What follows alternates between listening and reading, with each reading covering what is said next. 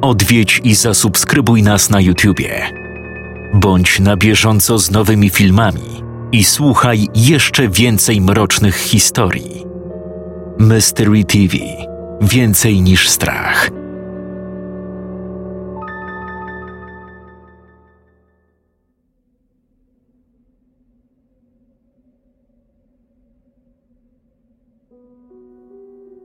Jedenasty sierpnia, godzina szesnasta.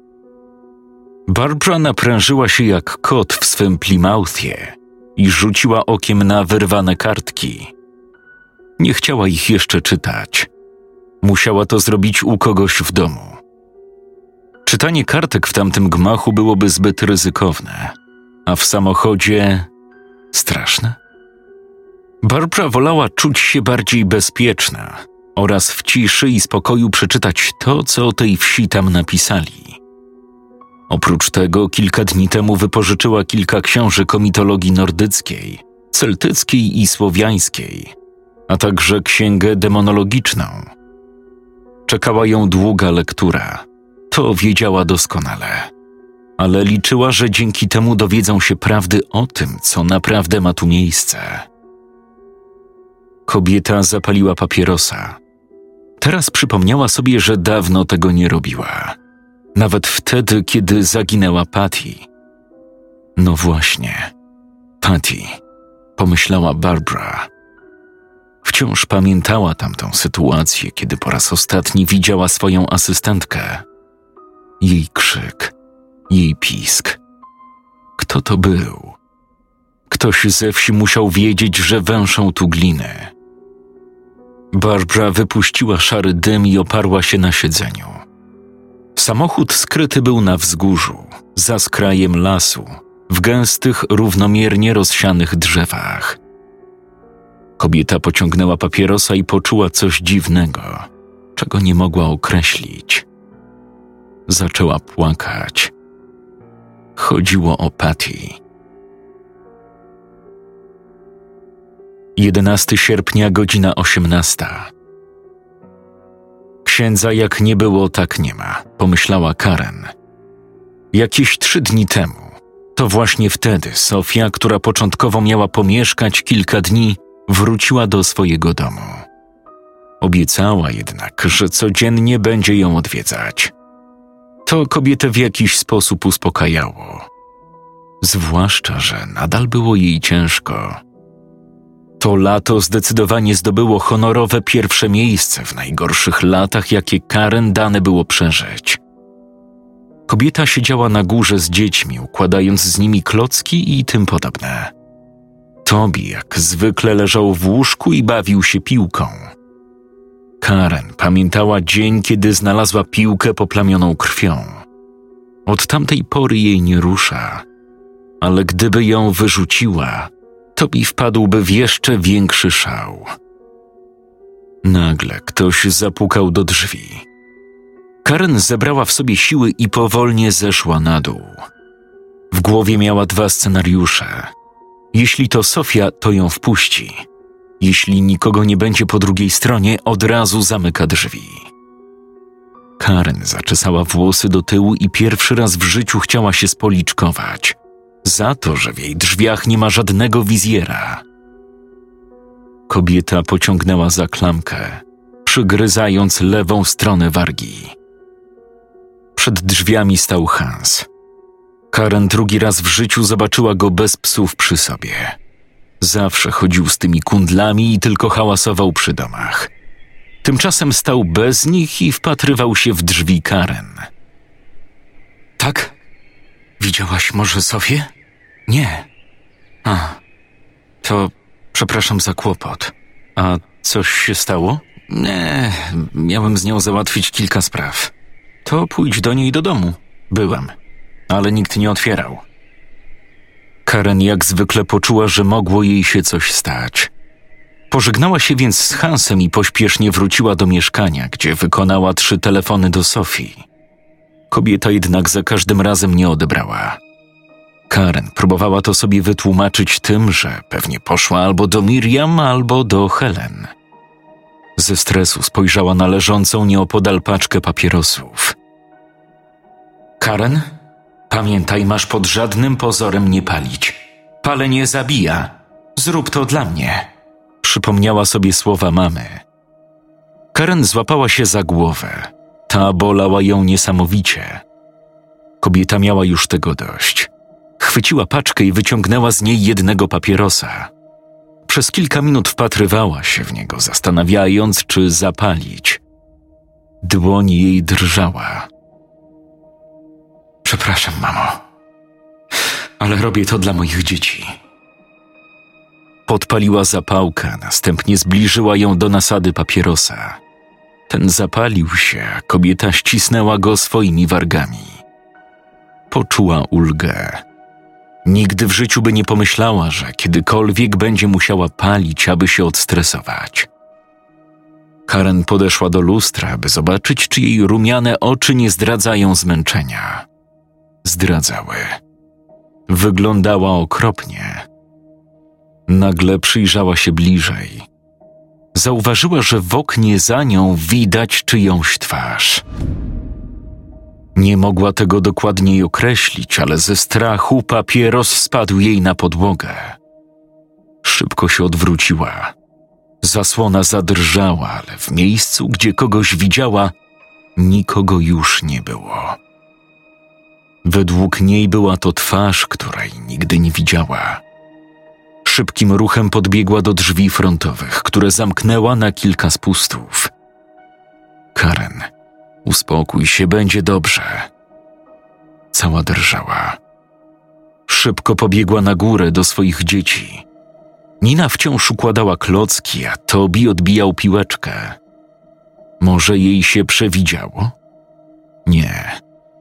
Karen usłyszała kroki na schodach i ciche skrzypienie. Ktoś szedł na górę, tam gdzie kobieta bawiła się z dziećmi. Zadrżała. Serce waliło jej jak szalone. Halo? Nikt nie odpowiedział. Karen powolnie wyszła za drzwi i spojrzała na schody. Nikogo tam nie było. Wtedy jej uszu dobiegł śmiech. Nie dziecięcy, śmiech dobiegający z dołu z kuchni. Karen pomyślała, że to jej koniec. Złapała za mopa i powolnie schodziła na dół. Z jednej strony chciała się zmierzyć twarzą w twarz ze swoim koszmarem, z drugiej bardzo się bała. Kiedy zeszła na dół, oparła się o ścianę w przedpokoju i lekko wychyliła głowę w stronę kuchni. Pusto. Nikogo w niej nie było. Karen przeszła z kuchni do jadalni, z jadalni do salonu, a z salonu do sypialni. Nic, ani żywej duszy. Odwróciła się na pięcie. Jeszcze raz przejrzała wszystkie pokoje. Szybkie tupanie po schodach przestraszyło ją tak bardzo, że upadła na podłogę. Coś z impetem wzbiło się w górę w stronę pokoju jej dzieci. Karen zrozumiała, że to coś, co nawiedza jej dom, od początku pragnęło tylko jednego. I teraz miało to na wyciągnięcie ręki. Płacz Niny dobiegł jej uszu. Kobieta szybko pobiegła po schodach. Dziecko stało na korytarzu. Nina, skarbie, Mama już jest. Mama już jest. Spojrzała na łóżko, gdzie leżał Tobi. Pusto. Tobi? Tobi, chodź do mamy szybko. Łzy spływały po jej policzkach. Kobieta wzięła Ninę na ręce i powolnie zaczęła przeczesywać górę.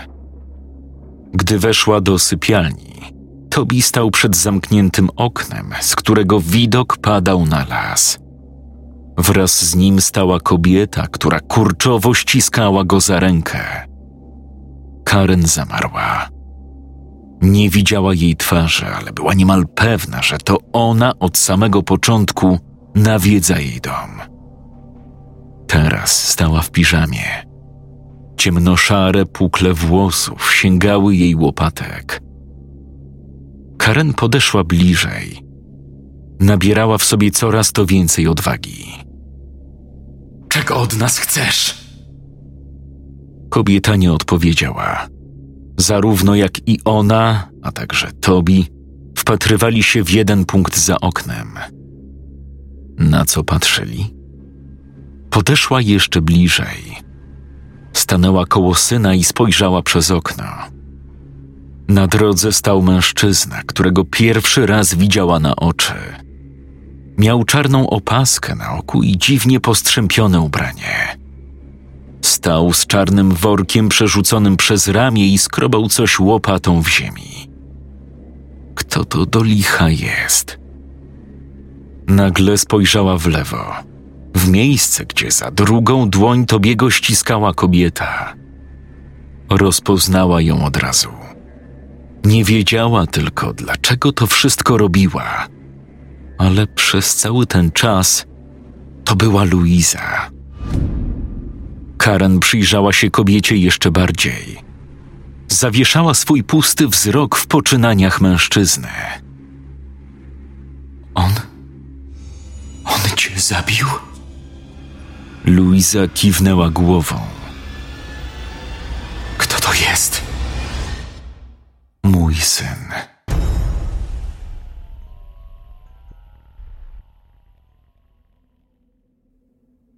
11 sierpnia, godzina 20.30. Matt dopiero teraz zauważył nowego stracha na wróble, którego dziadek postawił na polu kukurydzy.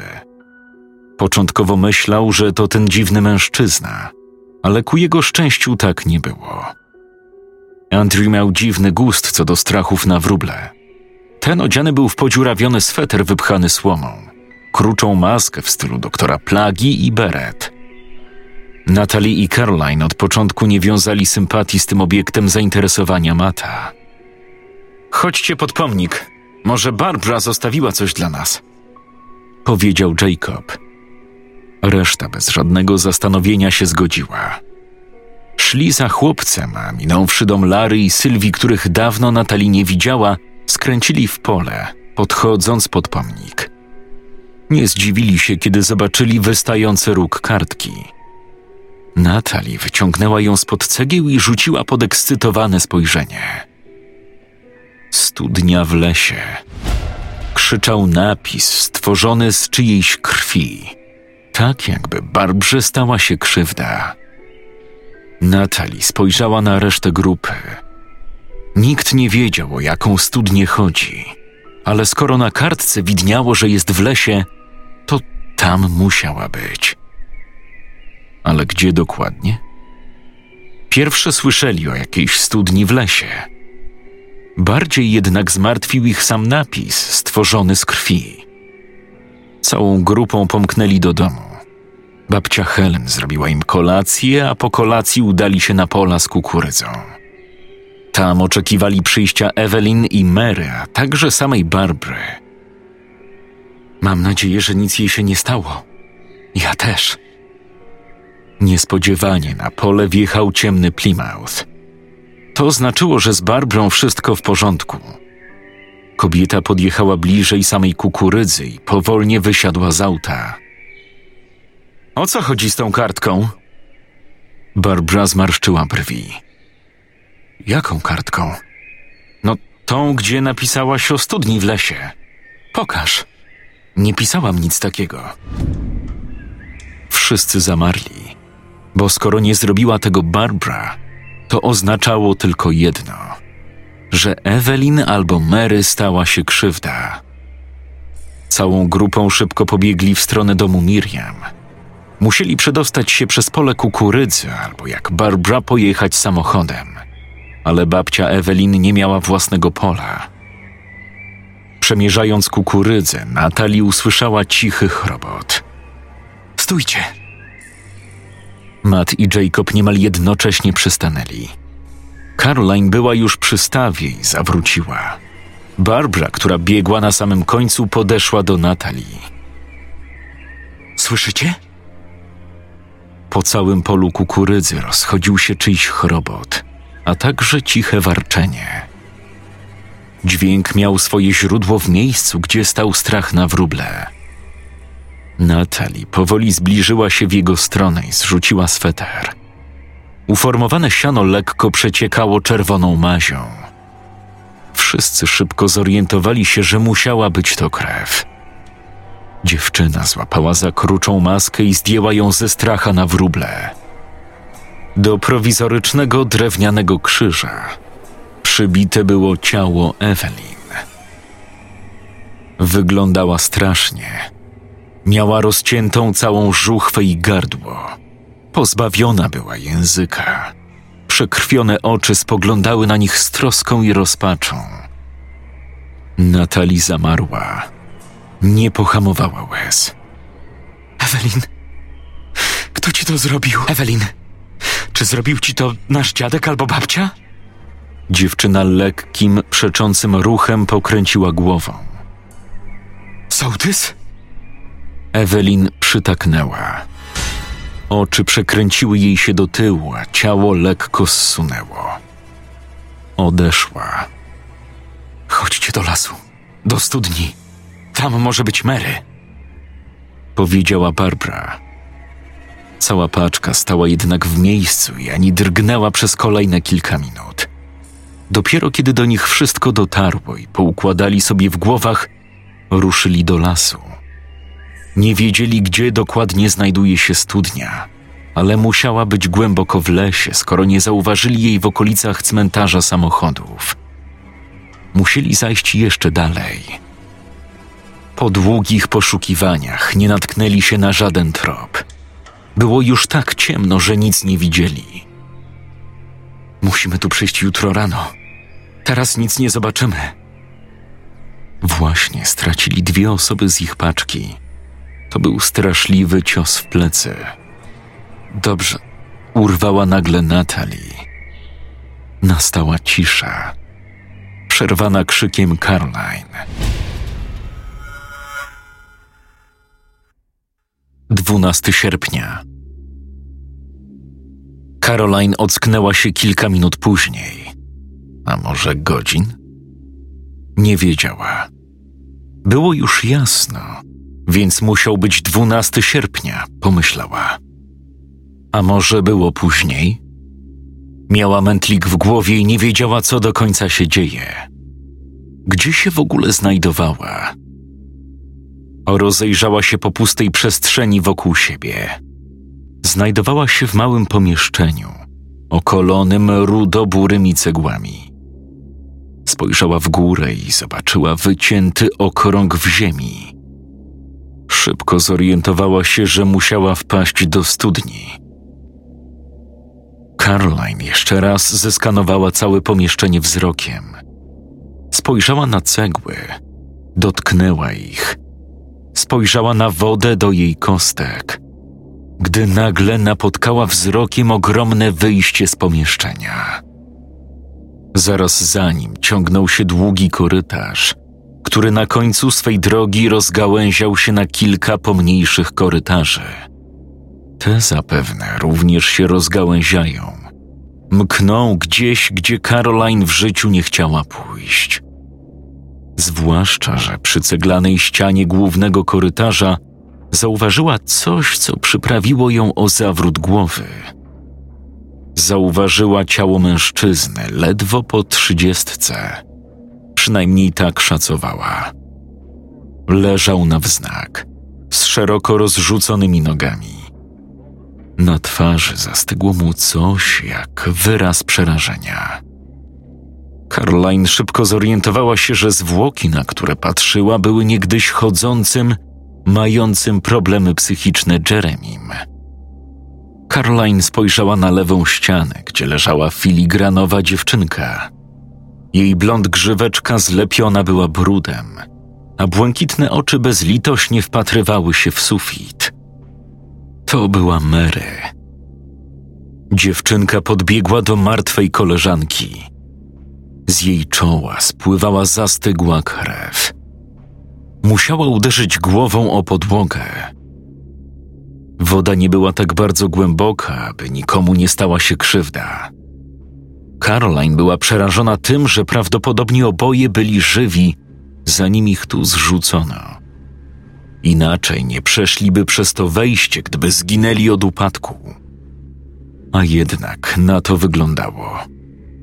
Wyglądało na to, że Mary właśnie zginęła od upadku, a James już martwy został tu zrzucony.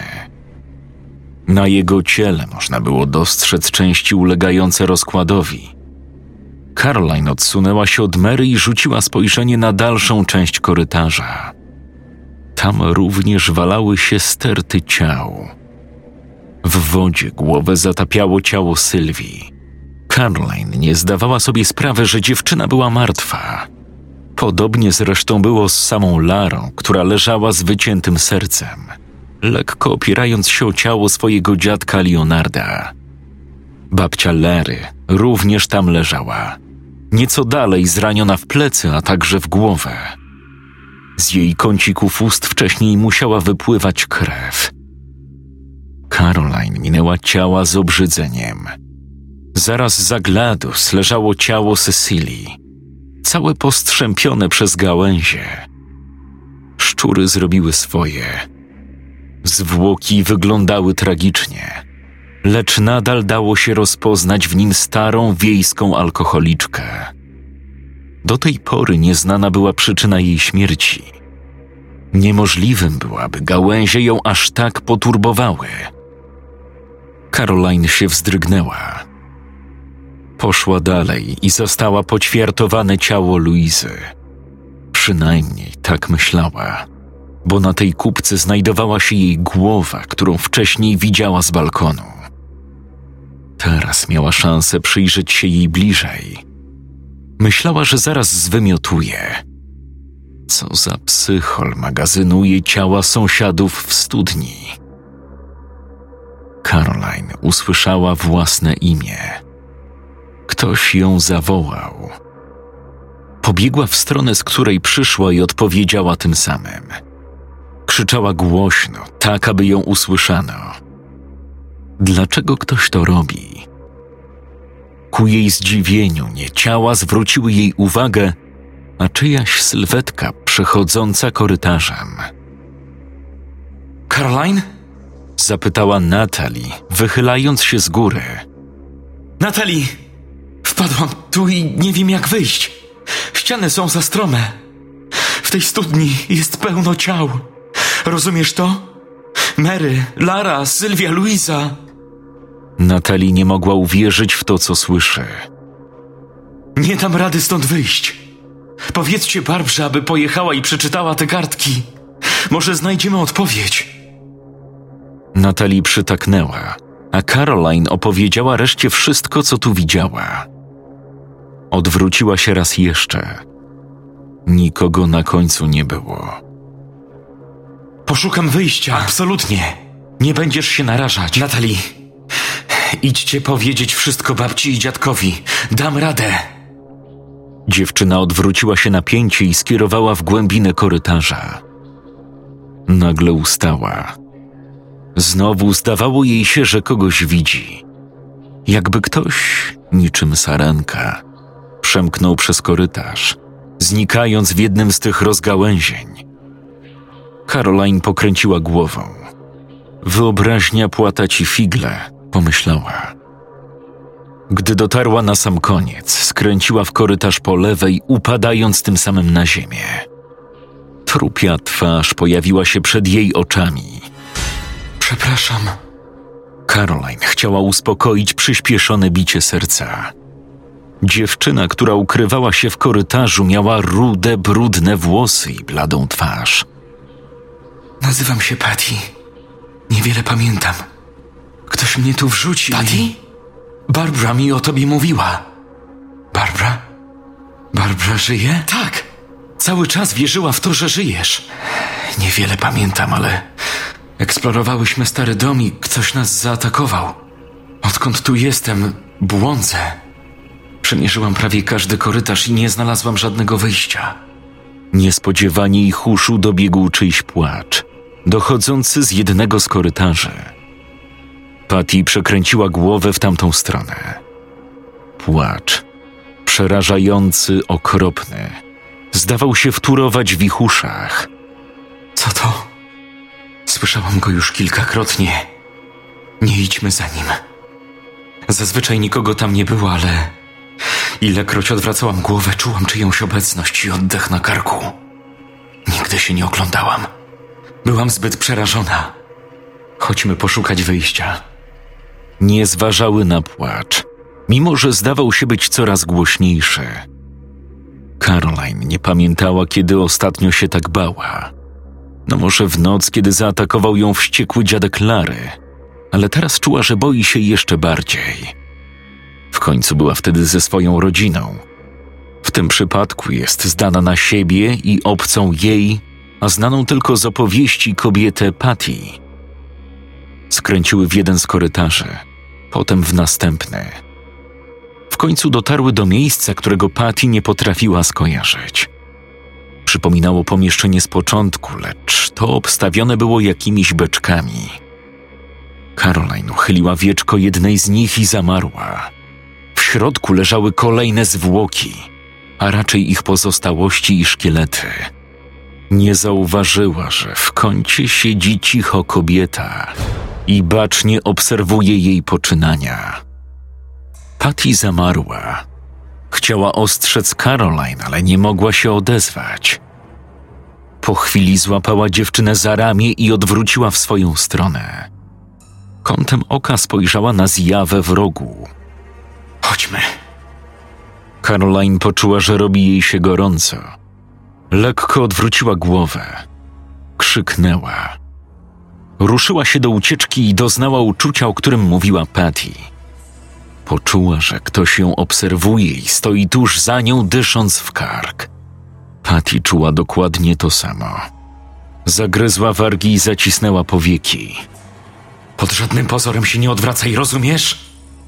Caroline przytaknęła. Naprzeciwko malowało się inne pomieszczenie, z którego wybiegały drewniane schodki. Wyjście! Patty powolnym krokiem skierowała się w tamtą stronę. Uczucie strachu i oblężenia zdawało się coraz większe. Gdzieś z tyłu głowy pojawiło się jednak poczucie, że prawdopodobnie to tylko ich wyobraźnia. Obróciła się za siebie. Zamarła.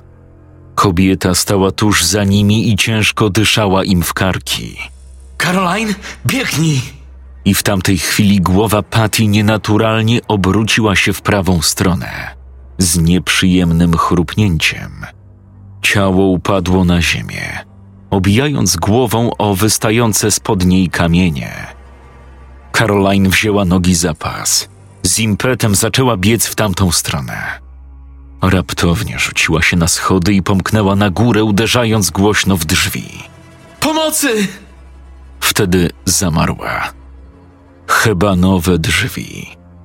Te same chyba nowe drzwi posiadała Helen. Były to drzwi do piwnicy babci. Od razu je skojarzyła. Wytrzeszczyła szeroko oczy, gdy usłyszała szczęk przekręcanego w zamku klucza. Drzwi momentalnie się otworzyły. Babciu! Zgrzyt. Ostrze noża przepołowiło twarz dziewczynki. Ciało stoczyło się ze schodów, upadając tuż koło ciała Patty. Mówiłam, że macie zakaz wchodzenia do piwnicy.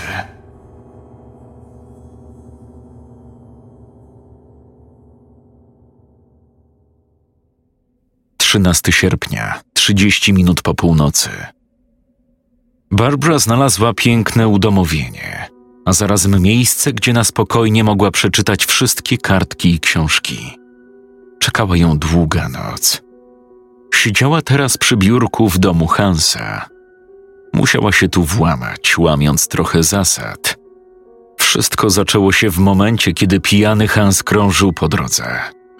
Barbara zaproponowała mu podwózkę, potem pod pretekstem, że chce pogłaskać psy, Hans otworzył klatkę.